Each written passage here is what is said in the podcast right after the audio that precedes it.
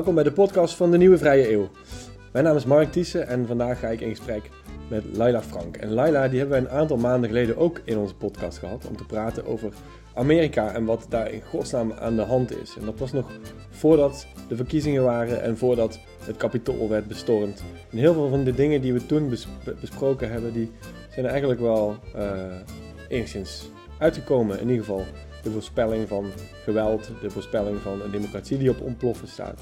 Uh, dat zijn allemaal dingen die we de afgelopen maanden hebben zien gebeuren, helaas. Uh, Laila is uh, correspondent in Amerika. zij werkt onder andere voor Op 1, voor de Groene Amsterdammer, voor Radio 1. en ik vind haar een van de beste Amerika-journalisten die er in Nederland zijn, omdat zij altijd op zoek is naar de verhalen die net een, diepje, een laagje dieper zitten. En daarom is het zo leuk om met haar echt de tijd te nemen om over dit onderwerp te praten. Uh, je ontkomt er bijna niet aan als je nu om, over Amerika hebt, uh, om ook over de actualiteit te praten. Wat ik nou juist zo leuk vond aan die vorige podcast, was dat we echt gingen kijken naar de onderliggende uh, verhalen en modellen die ervoor zorgen dat er de dingen die gebeuren in Amerika, dat die gebeuren. Um, dat proberen we nu weer. Natuurlijk gaan we af en toe ook de actualiteit in. Maar we proberen ook echt te kijken naar het systeem, naar wat er kan gaan gebeuren de komende tijd en wat de opties zijn de scenario's zijn voor een land dat zo ontzettend met zichzelf worstelt en dat zo kwaad is op zichzelf. Uh, ik vond het weer een super, super leuke uitzending om te doen. Uh, ik hoop dat jullie er uh, net zoveel uh, van opsteken als ik. en veel plezier met luisteren.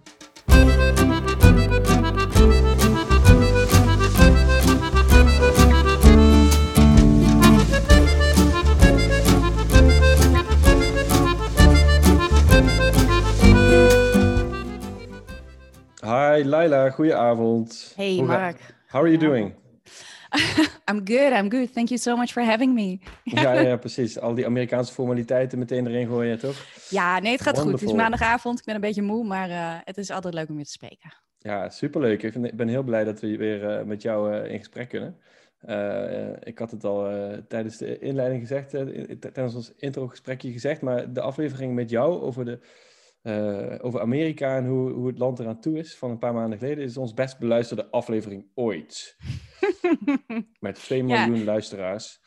Uh, dus uh, ja, dat is natuurlijk de reden dat we je teruggevraagd hebben. Hè? We hopen nee, nog een keer zo'n ik zei net al tegen, Ja, ik zei net al tegen jou, de sequel is meestal niet zo goed. Maar we gaan het gewoon proberen. ja, ja, ja, precies. Ja. Maar mensen houden wel van sequels. Hè? Want dan is, dan, dan is het ze ooit een keer bevallen en dan denken ze dat komt vast wel weer een keer gaat vast weer geweldig worden. Ja, nee, ik, dus ik, reken, ik ben ook een beetje teleurgesteld dat we niet over dat aantal luisteraars heen gaan van de vorige keer. Oké, wat, wat is ons doel? Wat is het target? Nou, dat was toen 1100 of zo. Oké. Okay. Uh, dus, dus daarmee heb je Klaas Dijkhoff al twee keer verslagen. Want die is twee keer geweest, dat iets minder. Klaas, ik weet dat je soms ook luistert. Het is niet persoonlijk. De luisteraars hebben gesproken. het is net, net als de politiek. En keihard. Ja, precies, precies. Keihard, ja. Nee, superleuk. En het is ook een mooi moment om dit te doen. Want de laatste keer dat we elkaar eh, spraken, dat was denk ik net na de zomer. En toen um, uh, stond natuurlijk heel wat te gebeuren in, uh, in Amerika op het gebied van de verkiezingen. Die zijn inmiddels achter de rug. Gewoon de eerste vraag is denk ik, wat heb je in godsnaam gedaan allemaal in de afgelopen tijd? Dat moet ook wel pittig zijn geweest. Ja, uh, ja, wat heb ik gedaan? Ik ben uh, eigenlijk begin oktober teruggekomen in Nederland. En toen begon meteen zeg maar, de hele trein van uh, presentaties en pra ja, praatjes, noem ik het altijd een beetje oneerbiedig. Maar heel veel op universiteiten en zo gesproken. Dat vind ik altijd heel leuk. Ja, heel veel media. Want het is toch een beetje het model als uh, freelancer. Op het moment dat er echt veel aan de hand is daar, kan ik het geld verdienen hier. Heel plat. Um, dus dat heb ik gedaan uh, tot en met de verkiezingen. Ik ben in december weer naar Amerika gegaan. Toen ben ik naar Georgia gegaan, want daar waren die twee senaatsraces, de laatste races, die ook uiteindelijk hebben beslist dat het 50-50 is en dat dus de Democraten met de vicepresident de doorslaggevende stem hebben. Um, daar ben ik nog geweest. Dat was super interessant. En toen was ik in januari weer in, uh, in Nederland. En uh, uh, nu ben ik plannen aan het maken. Ja, never dull moment. Nee, nee. En, en, en, en je hebt je verhaal, denk ik, bijna overal wel kunnen vertellen. Hè? In Nederland, op tv, op de radio. was niet, hoe zeg je dat? Geen gebrek aan, aan, aan aandacht, toch? Nee, dat is ook een beetje onwennig, moet ik er eerlijk bij zeggen. Ik ben echt letterlijk, uh, oh nee, over twee weken, drie jaar geleden naar LA vertrokken. En uh, nee, ik ben heel blij. Dat is het eigenlijk. Ik ben heel blij met uh, de plek die ik heb en het werk wat ik, wat ik mag doen. En dus ik knijp in mijn handjes en ik hoop ja, dat leuk. het zo, zo blijft. Ja, en het was echt een spannende tijd. En ik denk dat het ook nog niet voorbij is, hè? Nee, dat denk ik ook niet. Nee. Nee, nee het experiment Amerika gaat vrolijk door. Het grote experiment ja. De, de, melting pot. Ik weet, eh, toen ik eh, op de middelbare school zat, toen hadden ze het over de melting pot. En toen ging dat over de verschillende culturen die daar als immigratie, dus eh, de verschillende immigratiestromen, van Ieren tot Italianen tot Joodse immigranten, later Hispanics. Dat het één grote melting pot was, Amerika. Ja. Dat is niet echt meer, hè? Ken je de serie Little America op Apple TV? Is dat volgens mij? Is nee. het echt wel een mooie serie voor de mensen die Apple TV hebben. Ja, jij hebt net een nieuwe computer van dat merk. Dus uh, dat kan ik gewoon zeggen. Het is helemaal geen commerciële radio dit. Jij hebt net een Apple MacBook. Een MacBook. gratis een, uh, een accountje. Maar die serie is wel, vind ik wel mooi, omdat het eigenlijk een soort historische icoon is. Omdat het heel erg um, dat ideaalbeeld van Amerika viert. Dus het vertelt verhalen van immigranten die daar echt heen kwamen omdat ze de droom wilden leven. En daar inderdaad als onderdeel van die melting pot, uh, dat ze daarin opgingen. Maar het voelt dus ook een beetje als een reliek van een tijd die niet helemaal meer is moet ik eerlijk bij zeggen. Ja. ja. of misschien ook wel nooit echt zo is geweest. Ja, dat is, uh, het is in ieder geval onderdeel van het verhaal geweest. En het verhaal is belangrijk. Ja, precies. Ja, ja. ja en um, kijk, een, een van de dingen, uh, ja, toch nog, e-, de vorige keer hebben we best wel vakkundig, ik geloof een uur erover gedaan voordat we het over de verkiezingen zelf gingen hebben. Hè? Dus we zijn helemaal uh, heel diep in, in, in de materie van waarom gebeuren de dingen die er gebeuren in Amerika en, en waar gaat het heen en zo. Maar dan toch, toch een beetje over de actualiteit hebben. Wat was nou voor jou de meest bizarre of uh, interessante gebeurtenis van de afgelopen maanden? Oeh, um, een moeilijke vraag. Ik denk toch de races in Georgia. Of eigenlijk alles wat er gebeurde in Georgia. Want in Georgia kwam alles samen. Dus hè, die, die miraculeuze leugen over de gestolen verkiezingen. Um, de strijd eigenlijk tussen een president die dat verhaal bleef vertellen en republikeinen van zijn eigen partij die de leiding hadden over dat verkiezingsproces en continu maar moesten vertellen, uw, uw cijfers kloppen niet, uw feiten kloppen niet, die continu dat moesten weerleggen. Um, een democratische partij die er alles aan heeft gedaan, of eigenlijk heel veel grassroots bewegingen die er alles aan hebben gedaan om nieuwe kiezers dat kiesproces in te trekken. Het, de uiteindelijke uitslag, waarbij je ziet dat de kiesdistricten die nog heel actief voor de, voor de toenmalige president Donald Trump hadden gekozen, nu een stuk minder waren opkomen dagen. Um, dus eigenlijk kwam in Georgia voor mij kwamen een heleboel verhalen samen. En uh, dus ik, ja. Ik, en ik denk ook dat we daar eigenlijk veel te weinig aandacht hebben, hebben besteed. Want 5 januari waren die verkiezingen en 6 januari was de bestorming van het Capitool. Dus dat liep ook volledig door elkaar en in de war en helemaal niet synchroon meer. Ja. Uh, maar ik denk eigenlijk dat Georgia een heel interessant symbool is voor een heleboel dingen die gebeurd zijn in Amerika en misschien ook nog wel blijven gebeuren. En ook omdat het heel erg de uitdagingen voor allebei die partijen laten zien, denk ik. Dat is, als je verder niet naar Amerika kijkt, maar wel naar Georgia en wat daar nu moet gaan gebeuren, dan kan je denk ik een paar paden zien voor en de Republikeinen en de Democraten. Dus uh, ja, Georgia, in heel kort samengevat. Ja, interessant.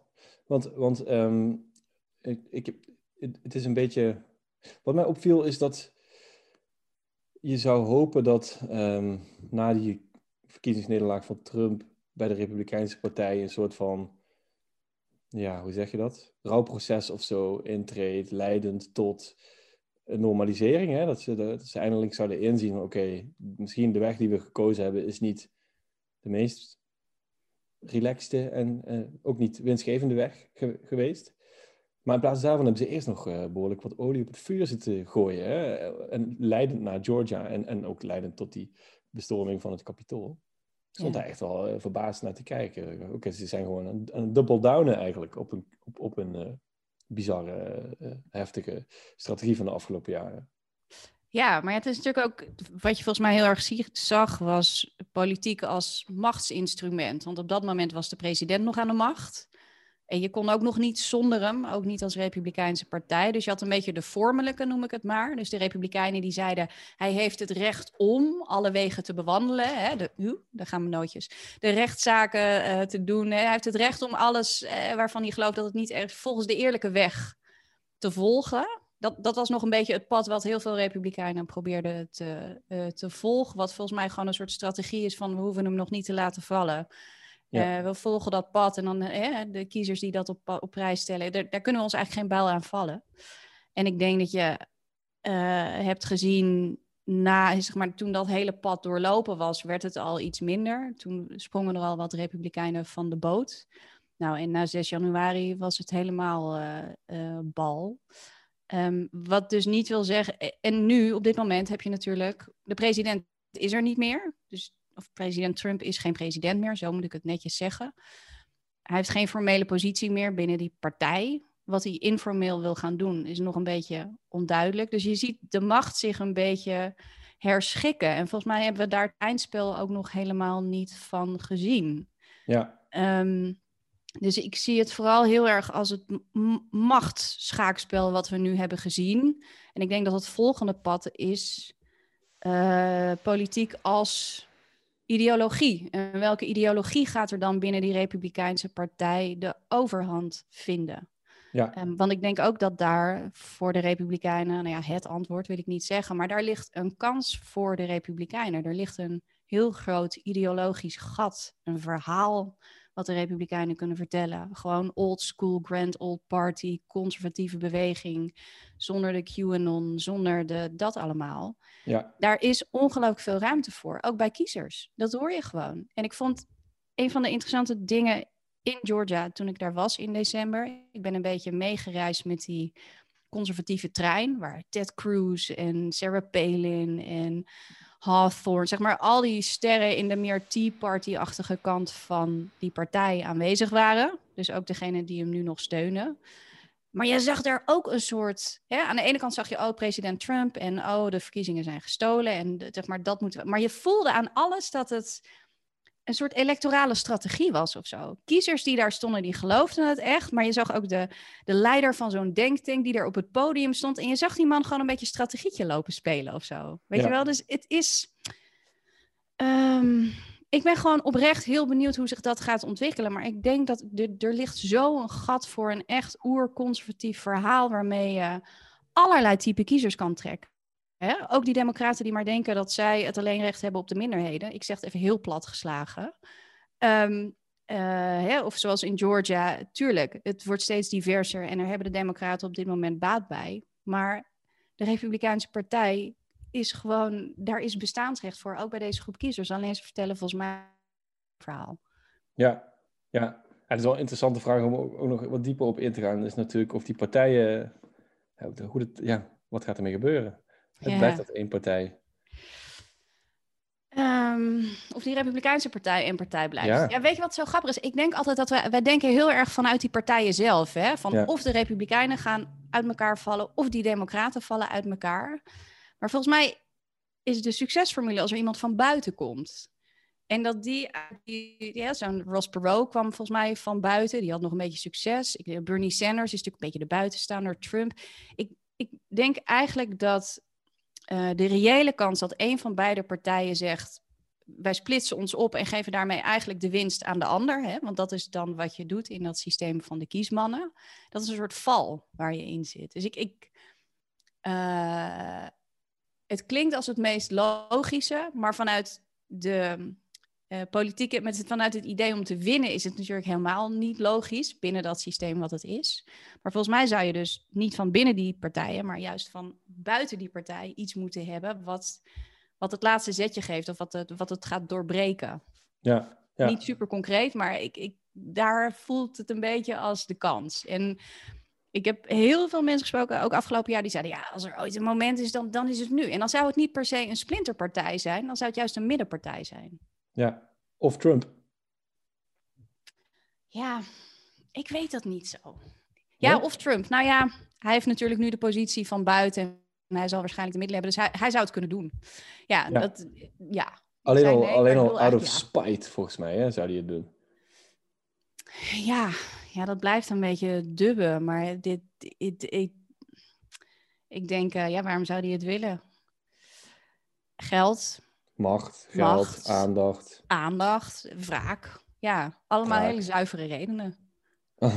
Zoals wij hem ook kennen als een, als een zeer zuiver persoon natuurlijk. Eh, ja, nou ja, het is geheel in lijn met, uh, met wie die is en denk ik wat hij, wat hij heeft laten zien. Uh, maar de andere kant ervan is wel, hè, die keren dat Donald Trump heeft gezegd: ik ga misschien voor het presidentschap of ik doe het echt. Ja. Heeft hij altijd gedacht: ik doe het alleen als ik echt kan winnen. Um, en daarvoor had hij tot nog toe het vehikel van de Republikeinse Partij nodig. Dus dit zou wel een. Ik, die vind ik spannend. Ik denk namelijk. Nou, dit is ook een beetje in zijn hoofd. Maar als je kijkt naar het verleden en hoe hij dat steeds voorbereid heeft. en ook met wie hij dat heeft gedaan. dan ging het wel echt om de winst. Ja, ja en. Uh, en um, ja, dat vind ik interessant. Dat hij, is het, maar is dat echt zo? Nou, ik zit nu even te denken aan, aan. Wij kennen hem uh, zeg maar als, als uh, winnaar omdat hij die verkiezingen in 2016 uh, eh, onverwachts gewonnen heeft. Hij heeft volgens mij in 92, maar hou, hou me het jaartal... Nee, in 92, maar hou me het jaartal ten goede, heeft hij het ook overwogen. Toen heeft hij het uiteindelijk niet gedaan, omdat hij dacht dat hij het niet zou kunnen winnen. Ja, ja. Maar eerder heeft hij het wel gedaan, hè? In uh, eh, 2012 of zo, toch? Heeft hij het ook geprobeerd, dus heel snel afgehaakt. Is dat zo? Oh, dan heb ik gewoon niet scherp dan. Is het, nu twijfel ik zelf. Ja. Maar in ieder geval, hij is nooit. Uh, ja. Het, het, zou goed kunnen. Het maar dan zou hij heel serieus. Als dat waar is, dan zou hij heel serieus wel zijn om terug te komen, natuurlijk. Ja, dan zou het bloed serieus zijn. Dan zou het ook een hele reële bedreiging zijn, denk ik. Ja, ja. Um, het zou in ieder geval de Democraten een hele. Het zou een enorme bedreiging voor de Republikeinse Partij zijn. Ik denk dat dat als hij uh, dat, dat soort van, als een soort van zwaard van de Damocles boven die partij blijft hangen of zo. Uh. Nou ja, voor, ik denk vooral als hij echt besluit een eigen partij te beginnen. Ja, dan is dat, dat split de vote, toch? precies, exact. Dan, dan, maken ze nooit meer kans. Of de Democraten moeten dezelfde ontwikkeling doormaken. Ja, krijg ineens een vierpartijensysteem. Dat zou ja, echt, dan blijf ik nog hond, dan word ik een soort Charles Groenhuis en dan ga ik nooit meer stoppen. Sorry Charles. Ja joh, dat wordt super interessant. Kan je vier lijsttrekkersverkiezingen kan je gaan uh, coveren. Ja man. Ja, maar dat zou ik eigenlijk heel leuk vinden. Maar goed, ik vind, het lijkt me niet het meest, uh, meest reële scenario. Nee. Krijgt, krijgt ook de, de, de, vertegenwoordiging in die, in die kamers een hele andere aspect. Want dat gerrymandering, dat is dan totaal voor niks geweest uh, de afgelopen tientallen jaren. Hè? Als je ineens vier partijen hebt in die districten. Ja, dat is waar. Nee, dat zou op zich goed nieuws zijn. Ja. Maar dan moet je dus iets nieuws gaan doen en dat heet onderhandelen. En luisteren naar de andere kant. Ja, normaal dat zou, toch wat zijn? Ja. ja. ja. ik ben wel benieuwd hoor. Dus, dus, en, nou, wat, waar ik graag met jou over zou willen hebben is, is hè, wat we de vorige keer eigenlijk ook deden, is welke kant gaat dit land op? En, en hoe kan dat? Hoe komt het? Hè? Wat zijn de onderliggende factoren? Maar een hele belangrijke factor bij welke kant gaat het op, is wat gebeurt er met de Republikeinse Partij. Hè? En in minder mate wat gebeurt er met de Democratische Partij. Ja. Bij de voor, in de voorbereiding van ons gesprek, ik, en, en, eerder denk ik ook wel, het is een totaal belachelijke vergelijking hoor, maar, um, dus dat, dit noem ik maar alvast. Maar ik moet echt steeds denken aan, aan landen die uit een burgeroorlog komen. Dat is één vergelijking. Dus dan krijg je altijd van die record. Er is maar één oplossing als je uit een. Nee, er zijn meerdere scenario's. Als je een burgeroorlog hebt, ofwel de een roeit de ander gewoon volkomen uit en het is klaar en je bent gewoon gewonnen. En dan wordt het ook gewoon een fatsoenlijk land daarna. Even vanuit bird's eye perspective. Hè? Het is niet ja, leidende op de grond. Uh, maar, maar, maar de meeste gevallen is dat niet meer zo in onze huidige uh, wereld, omdat je gewoon ja, internationale druk hebt. Anderen bemoeien zich daarmee. Dus het komt nooit meer voor dat, dat je echt tot, tot, de, tot het einde met elkaar vecht of zo. En dan krijg je altijd na afloop een settlement en een reconciliation committee of zo. Hè? En dan moeten ze zich gaan verzoenen met elkaar. en eigenlijk is dat ook de enige oplossing voor dit. Hè? Als je in scenario's denkt, Tenminste, het ligt eraan wat je doel is. Maar als je doel is een fatsoenlijk land, democratie, et cetera, et cetera. Ja, het is bijna niet mogelijk zonder een soort van uh, lang proces van, uh, van verzoening. Ja. De alternatieven zijn namelijk uh, doorknokken tot het einde. Of een soort van gewapende vrede. living apart together of zo in de relatietermen. Ja, hoe, nou, hoe is dan hou je nog wel van elkaar. ja. Wat zou, dat, wat zou zoiets gaan worden? Ik vind het uh, heel moeilijk. En ik denk, ik denk, jij denkt aan een burgeroorlog. Ik denk altijd aan een relatie. Kan ook, ja, zeker. um, ook omdat het, eh, politiek is ook een emotionele bankrekening altijd. Ja. Ehm, dat je hier maar twee partijen hebt, is het. Hè, de, ehm, de een houdt elkaar forever na wat er toen in 1996 is gebeurd. En, en andersom. Ja. Ehm, en dat speelt natuurlijk sowieso al in die politiek, maar omdat het maar die twee partijen zijn, wordt dat enorm uh, uitvergroot. Om maar te zeggen, ik vind je vergelijking niet zo belachelijk als jij hem introduceerde, maar dat komt van door dat emotionele aspect wat daarin zit. Als het puur ratio was allemaal, dan was het niet zo moeilijk, want dan keek je gewoon naar de beste oplossing. Alleen hier zit een heel ingewikkeld uh, emotioneel proces achter uh, in het politieke spel, wat door die twee, maar door twee spelers gespeeld wordt. Dus dat, dat bemoeilijkt het enorm. Um, kijk, voorlopig is het één, variant 1 of 3. Ik ben ze even maar je moet voorlopig nog met elkaar door. Dus dat doen ze.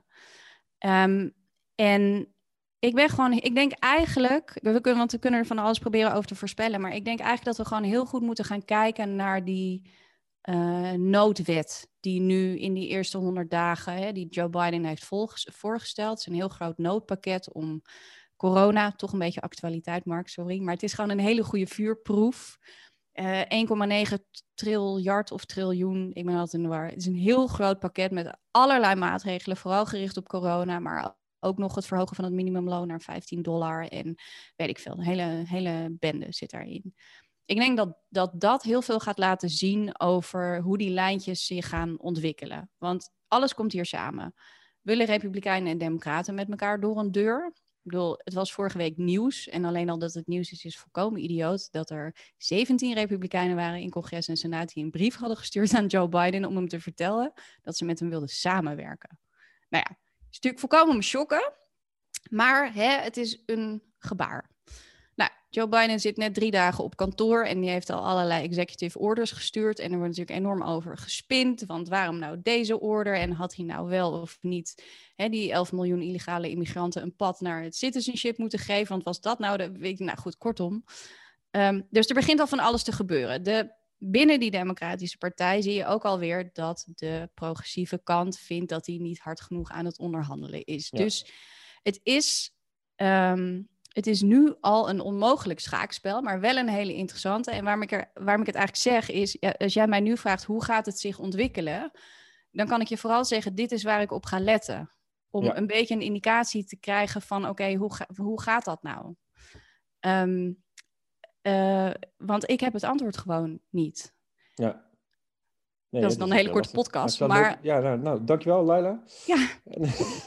nee, ik vind het, dit is namelijk echt een hele moeilijke vraag. Ik vind het gewoon bij de Republiek. Is... Ja, ik denk dat bij de Republikeinen heel erg speelt. Uh, hè, wat wordt wel of niet, zeg maar, hoe, hoe, ont, hoe, um, hoe ontwikkelt zich schaakspel dat opnieuw nu Donald Trump geen factor meer is van formele macht? Dus wie kiezen er eieren voor hun geld? En zo'n Mitch McConnell bijvoorbeeld, de voorzitter van de Republikeinen in de Senaat, tot voor kort, want dat is hij nu niet meer, die in één keer Donald Trump liet vallen. Ja, dat is natuurlijk gewoon machtspolitiek tot een top. Dus je kan er heel veel van leren. Uh, weinig moraal, veel, uh, veel inzicht, noem ik het maar even.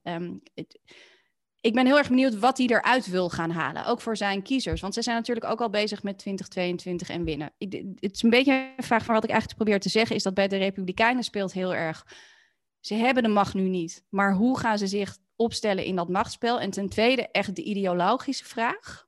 Wat, wat wordt het verhaal van de Republikeinen? Daar ben ik echt heel benieuwd naar.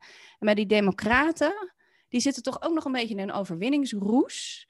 Daar speelt denk ik heel erg, wat kunnen ze die Republikeinen gunnen? Aan de ja. kant, zeg maar, gaan ze nou het goede voorbeeld geven? Hè? Practice what you preach. Joe Biden en het hele team daarachter. En de spanning met de progressieve. Ja, dat zijn een beetje de bewegingen. Ik denk dus dat je dat allemaal gaat zien in dat steunpakket en die wet die er wel of niet doorheen moet komen. Worst case scenario is dat het toch de Democraten zijn die zonder enige Republikeinse steun dit pakket er doorheen jassen. Um, dan hebben ze misschien alles geprobeerd, maar dan zit het er niet in. En ja, dan heb je de toon gezet voor de komende vier jaar. Ja, of, of ze hebben zelf geen restraint. Hè? Dus uh, eh, de, de, de, de meer uh, activistische kant van de Democraten uh, krijgt zijn zin eigenlijk. Want ik, ik, ik vind het lastig, hè? dat is mijn, mijn, mijn um, instinctieve reactie bij dit soort dingen is... Oké, na vier jaar Trump, ik, wil jullie, ik zou jullie willen afstraffen. ik zou jullie echt willen afstraffen. Dus, en jullie is? De sorry, de Republikeinen. Dus als ik een democraat zou zijn, ja, maar, zou ik zeggen, ik zou jullie echt willen afstraffen. Ik ga jullie zo hard verneuken dat je echt jankend, jankend naar huis gaat. Ja. Iedere dag van je, van, je kapitool naar je huis toe. Ja. maar, maar maar dat is natuurlijk de slechtste. Op lange termijn is dat natuurlijk de allerslechtste aanpakken. Want je moet, we hebben dat de vorige keer ook over gehad, hè, in zo'n systeem, zo'n democratie, zeker het Amerikaanse stelsel, heb je bepaalde, je hebt natuurlijk wetten waar je aan moet houden. En dan heb je normen. Ja. En het systeem valt of staat bij het handhaven van die normen. En een van die normen is ook dat je je terughoudend opstelt. Als je in een positie van relatief grote macht zit, omdat je weet dat uh, als de tegenstander in die positie zit, wil jij ook dat die niet alles doordrukt wat er maar uh, gelegen is. En, en dat is een test voor de Democraten, denk ik. En ik merk, uh, ja, wat dat betreft is daar volgens mij net zo goed een splitsing in die partij als dat bij de Republikeinen is. Als zij nu geen restraints tonen, ja. dan geven ze ze wel, uh, ja, dat, dat praat het niet goed hè, dat die Republikeinen zich vervolgens weer als total idiots gaan gedragen. Maar dat is wel een prikkel die ervoor zorgt dat ze zich als total idiots gaan gedragen. Want ze zeggen, hoeven alleen maar te zeggen: kijk, we hadden toch gelijk met die Democraten. Ja, ja en zo precair is het dus. Ja. En ik, wat ik interessant vind is dat daar komen heel erg. Je hebt natuurlijk het politieke model als polariteit. Uh, maar je hebt ook het businessmodel, polariteit als businessmodel, wat je ook heel erg terugziet in media, maar ook in producten of in bedrijven. Zeg maar, die polariteit is ook echt een identiteit geworden die verwoven is met wie je bent, waar je verstaat, waar je woont. Maar die ook verwoven is met een heleboel geld inmiddels en belangen. Um, en in dat politieke. Dus die nog uit elkaar halen wordt, wordt steeds ingewikkelder. Um, en wat ik interessant vind, en ik heb het antwoord daar dus niet op, is: kan je als politieke partij, hoe vecht je als politieke partij um, tegen, stel dat je je aan de regels en aan de normen wil houden, win je dan als je dat doet tegen een partij die dat niet doet? En nu doe ik alsof ze. Hè, het klinkt nu alsof de Democraten zich altijd aan de regels houden en de Republikeinen niet. Maar dat is niet zo, want die progressieven zijn ook gewoon een stelletje assholes af en toe. Um, eh, hoe, maar kan je dat winnen? Ik heb, je hebt zo'n hele mooie uh, vergelijking. Volgens mij is die ooit bedacht om te hebben over discussiëren, discussiëren op internet. En, en wordt die inmiddels toegepast om te zeggen, uh, de, discussiëren met, uh, ja, laten we zeggen, alt-right of, of populisten, wat dan ook, is als, is als schaken met een duif. dus je zit aan het schaakbord, duif komt erbij. Jij bent netjes je, je paard zo en zo aan het zetten. En die duif, die scheidt het hele bord onder, duwt een paar poppetjes om en vliegt vervolgens weg. En, en dat is een beetje als discussie, hè, een politiek debat met populisten of met uh, extreme populisten. Ja. Dus, dus nee, dat wil je niet. Eh, maar op lange termijn misschien wel. Als nou ja, precies. En, maar dan denk ik dus dat, weet je, als, ik daar, als je daar een antwoord op zou moeten formuleren, dat volgens mij is toch in die end politiek als echt verhaal, als echt uh, een visie op een land wat doorvoeld is en gemeend is, zeg maar een goed politiek verhaal, kan toch een antwoord zijn. Kiezers zijn toch niet gek? Weet je wel? En ik zie toch uh, nog steeds een soort. Ik bedoel, de afgelopen vier jaar Trump was natuurlijk één grote. Uh, nou ja, ik denk dat iedereen dat nog steeds een beetje aan het verwerken is. Maar er was, het was ook vier jaar lang geen goed antwoord hebben daarop. Politiek antwoord. Nog binnen die Republikeinse partij, nog bij de Democratische Partij. Uiteindelijk wel, hè, want Joe Biden is gekozen, maar toch vooral omdat hij Trump niet is. Ja. Dus ik, ik, als ik zou mogen fantaseren over Amerika, laat ik het dan zo zeggen, en over een oplossing of waar dat dan uiteindelijk heen gaat, is toch dat je. Ehm, misschien krijg je wel twee fantastisch. Dit is echt een ideaalbeeld, hè? Maar twee politici tegenover elkaar straks in 2024. Die allebei een waanzinnig verhaal hebben. Gewoon echt een goed verhaal vanuit het conservatieve of het democratische deel over hoe dat land in elkaar moet. Gewoon een old school terug naar de degelijke politiek of zo. Zou dat niet gewoon... Misschien is het totaal onrealistisch hoor, maar ik denk af en toe ook dat we wel heel erg rondhollen in dat... Is in, oh, het gaat niet goed en het zijn alleen maar uh, negatieve impulsen en structuren. En het is ook allemaal waar, weet je wel, maar het is ook... Politiek kan ook iets heel moois zijn en dat kan ook op dat... dat, dat monsterlijke construct van de Amerikaanse politiek wel goed vallen. En Ja. zo lang geleden is dat ook niet, eigenlijk, als je erover Nee. nadenkt. Ehm, maar goed, het is En het natuurlijk wel. bijna onmogelijk om daarnaar terug te gaan. Terwijl het inderdaad nog niet zo lang Ja. geleden is. En ik heb, weet je, ik heb, ik heb, ja, ik, ik weet het echt oprecht niet. Ik heb het antwoord daar niet op. Maar ik vind. ehm, Volgens mij ligt het antwoord altijd bij jezelf in dit soort situaties. Hè? Dus je moet nooit wachten. eh, dit is gewoon in, in, in al, het is een, een bankrekening, zoals jij zegt, een emotionele bankrekening. En bij een emotionele bankrekening hoort altijd dat jij degene bent die de eerste deposits maakt. Hè, dus, dus als je Ja. er in ieder geval een goed saldo uit wil halen. Dus, dus als jij wil dat de andere partij die restraint toont tegenover jou, ben jij degene die hem eerst moet tonen. En dan kan het nog altijd dat de andere partij dat gaat gewoon laat, lekker gaat negeren en eh, dat ze het Ja. schaakbord onderscheidt en alles. ja. Maar anders, eh, anders win je ook niet. Hè? Uiteindelijk is het de keuze tussen zelf verliezen of allemaal verliezen. Of zelf Ja. winnen. Eh, ja. En dan zijn het dus de kleine. soort- ik weet tijdens de eurocrisis, toen werkte ik in de Tweede Kamer. En toen, dat was ook het begin van de eurocrisis. En dat was echt, dit is niet van de orde, nou misschien wel, van de orde van dit. Maar, niet, maar ook wel dat je een groep landen, in dit geval lidstaten, bij elkaar had. In een, in een enorm opgefokte sfeer van crisis en van eh, bijna zero-sum denken. En lidstaten die dus normaal gesproken, die met elkaar in een unie zaten en, en op zich goed met elkaar zouden moeten kunnen vinden. En die, die waren elkaar alleen maar, alleen maar iedere dag meer voor rotte vis aan het uitmaken. Het was totale escalatie, iedere week weer. Zei die iets over die en die weigerde dat te doen voor die. En, totaal, gewoon alleen maar escaleren, escaleren, escaleren. En, en toen heb ik dat met een collega van mij, eh Ilko Heijnen, die nu eh, op de VVD-Kamerlijst staat. Hebben we dat vergeleken intern gewoon met elkaar. Van, dit is, het is net alsof je bij een dronken feestje bent. Hè? Dus mensen komen binnen, kennen elkaar allemaal, gewoon vrienden van elkaar. Misschien kennissen, maar ze weten wie ze zijn. Gewoon wordt een leuke avond. En, maar op een gegeven moment wordt gewoon te veel gezopen. En- En de ene wordt, wordt, wordt, wordt, wordt wat rellerig. Hè? En, en, die zegt iets tegen de vriendin van de andere. En dan wordt een beetje ruzie. En op een gegeven moment iedereen heeft zoveel gezopen. En de ene, dat het echt een soort van fight van, van, van groepen tegen elkaar wordt. En ze zitten elkaar uit te schelden. En de ene steekt de gordijn in de fik. En weet ik veel wat allemaal. En dan komt er een, altijd een dag daarna. En, en de dag daarna is namelijk dat je wakker wordt en dat je denkt: holy shit, wat Ja. hebben we gedaan? Of wat is er gebeurd? Ja. En, en die dag die gaat er dus komen. En in de eurocri- eurocrisis is die dag er ook gekomen. En eh, je hebt vervolgens een paar keuzes die je kan maken. Namelijk, de keuze die de meeste mensen maken is het gewoon negeren wat je zelf gedaan hebt. En, en die, eh, tegen al- allemaal mensen gaan zeggen hoe erg het toch was wat die andere deed. Dat is weer ver, dat is gewoon, dan ga je door met die escalaties. ja. Maar je kan ook gewoon excuses gaan aanbieden of zo. Zelf, hè, Ja. als eerste.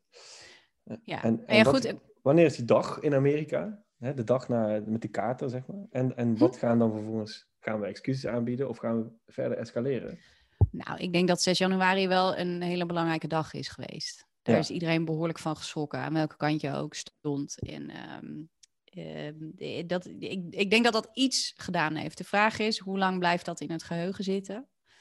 Ehm, en, en is dat genoeg? Of moet het erger worden voordat het beter wordt?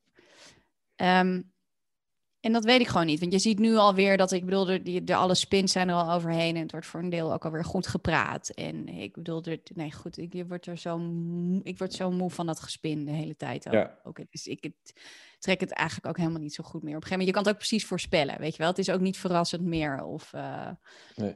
Ehm, en daarmee wil ik eigenlijk ook maar zeggen, ik denk uiteindelijk dat kiezers niet gek zijn. En waar Amerikanen behoefte aan hebben, is gewoon dat er wetten door dat congres heen komen. En dat er een keer iets voor ze gebeurt. En dat ze hun huis straks niet uitgezet worden. En dat ze te eten hebben en dat ze een baan hebben. En ehm, ik ben heel erg benieuwd ehm, of, als er, of als dat een beetje gaat rollen, of dat ook niet. Het is niet één moment, maar het is wel weer even een blik in, oh ja, zo kon het ook.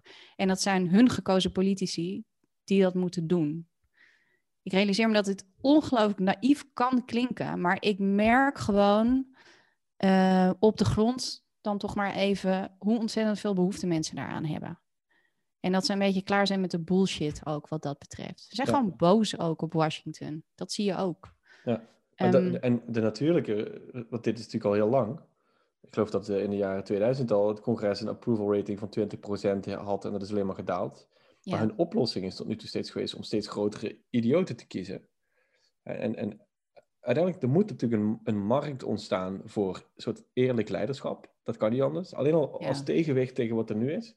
Ja. Moet er ergens iets ontstaan waar hè, een markt voor, voor eerlijk leiderschap?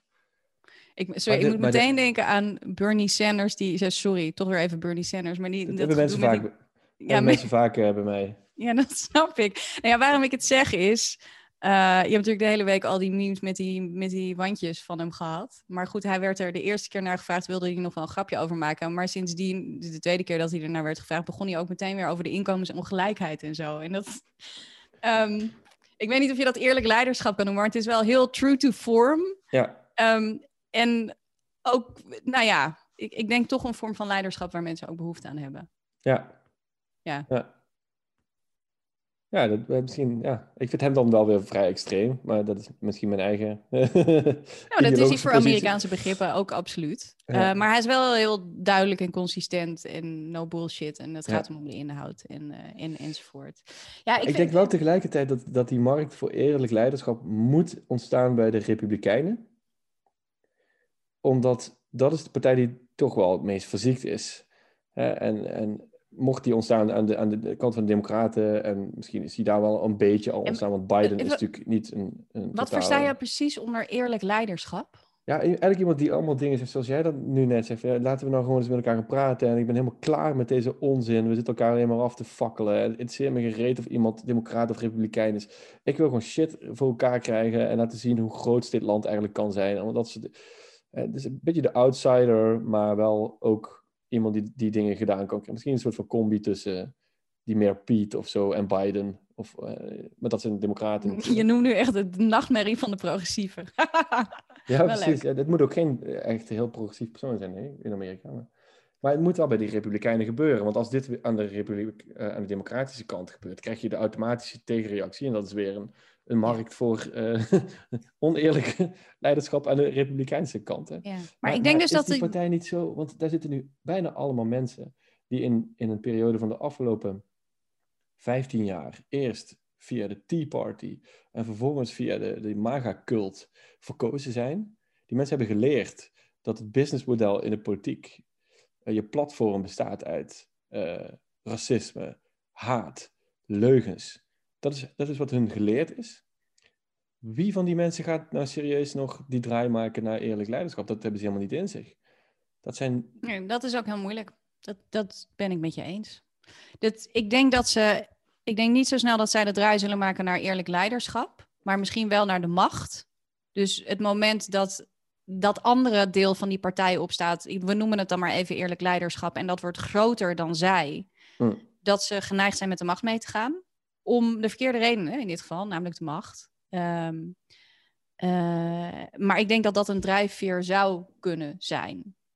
En, maar ik ben het in die zin met je eens dat een deel van hen is getraind en opgeleid in een frame en in een gedachtevorming waar je niet zo heel erg veel meer aan kan wijzigen.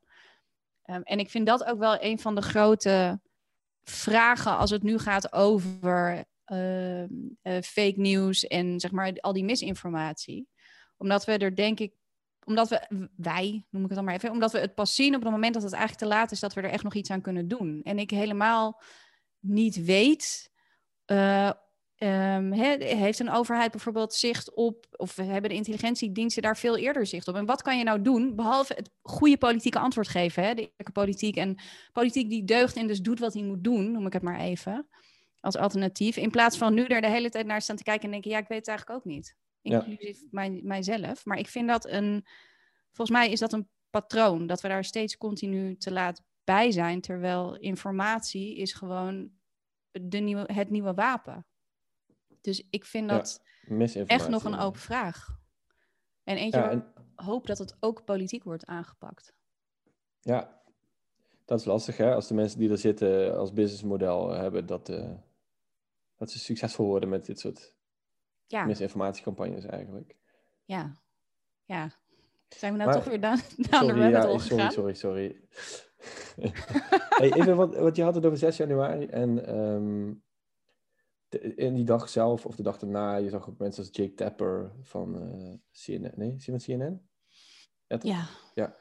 Die had het echt over, dit is een moment wat we er komen, hè? Het is een iconisch moment en dat gaan we, een, een litteken, zowat uh, nu al op de Amerikaanse ziel. En, en ik zat aan het kijken en ik dacht, nou, is dat wel zo?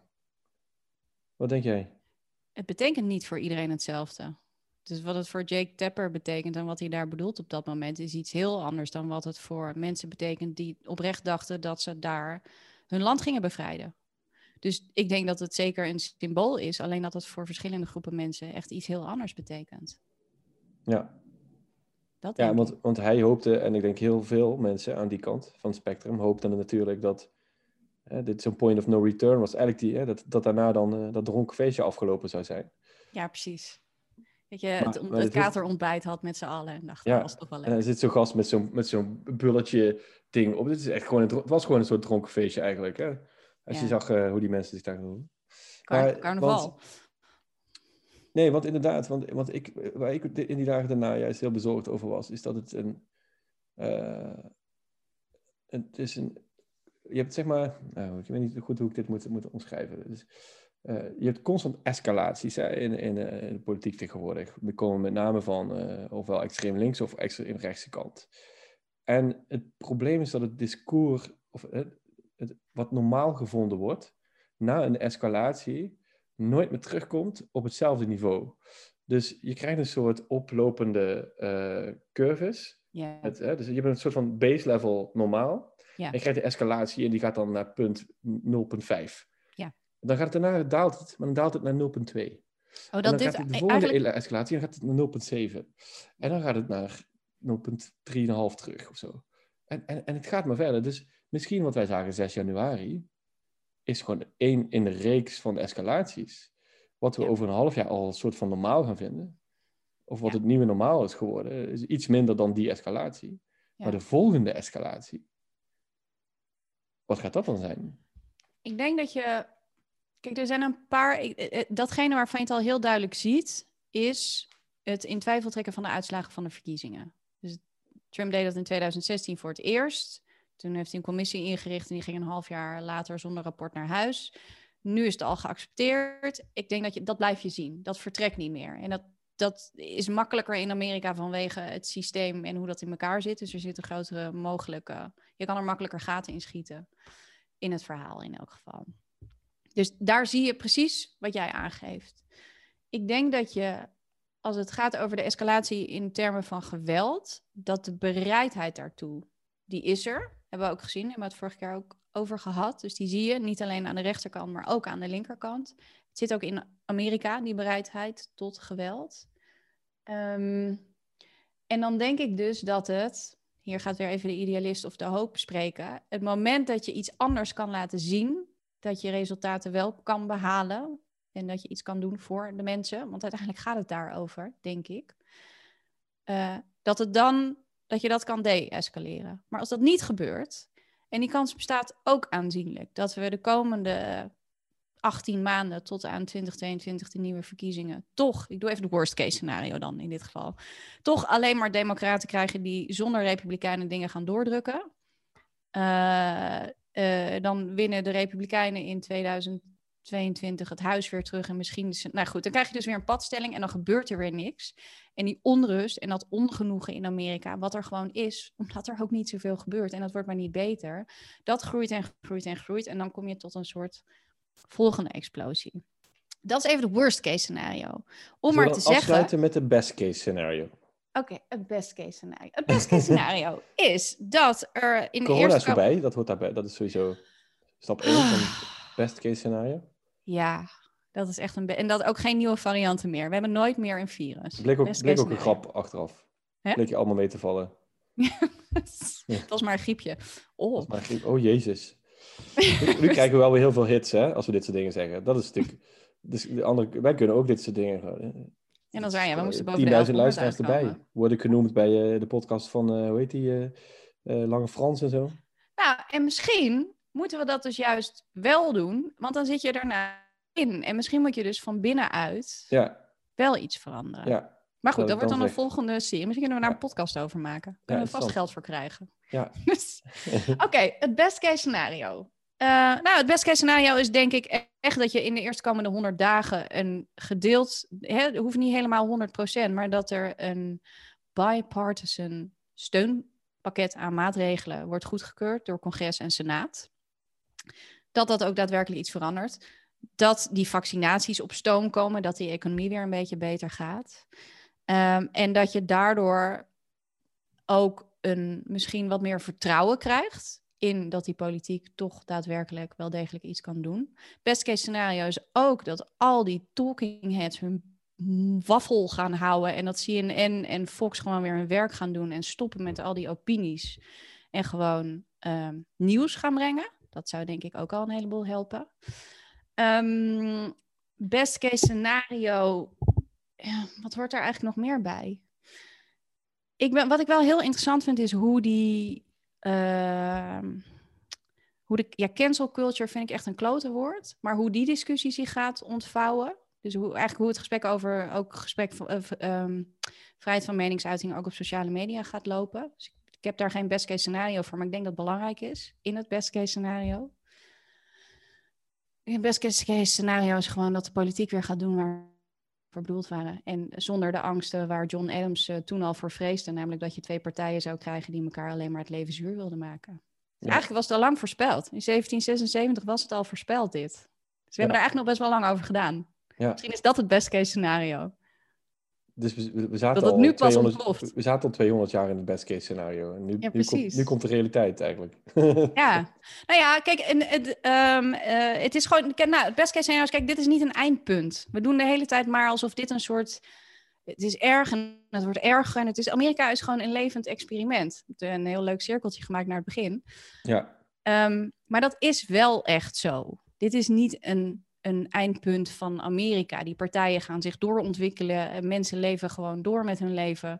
Het gaat wel ergens heen. En dat is volgens mij ook het ontzettend interessante daaraan.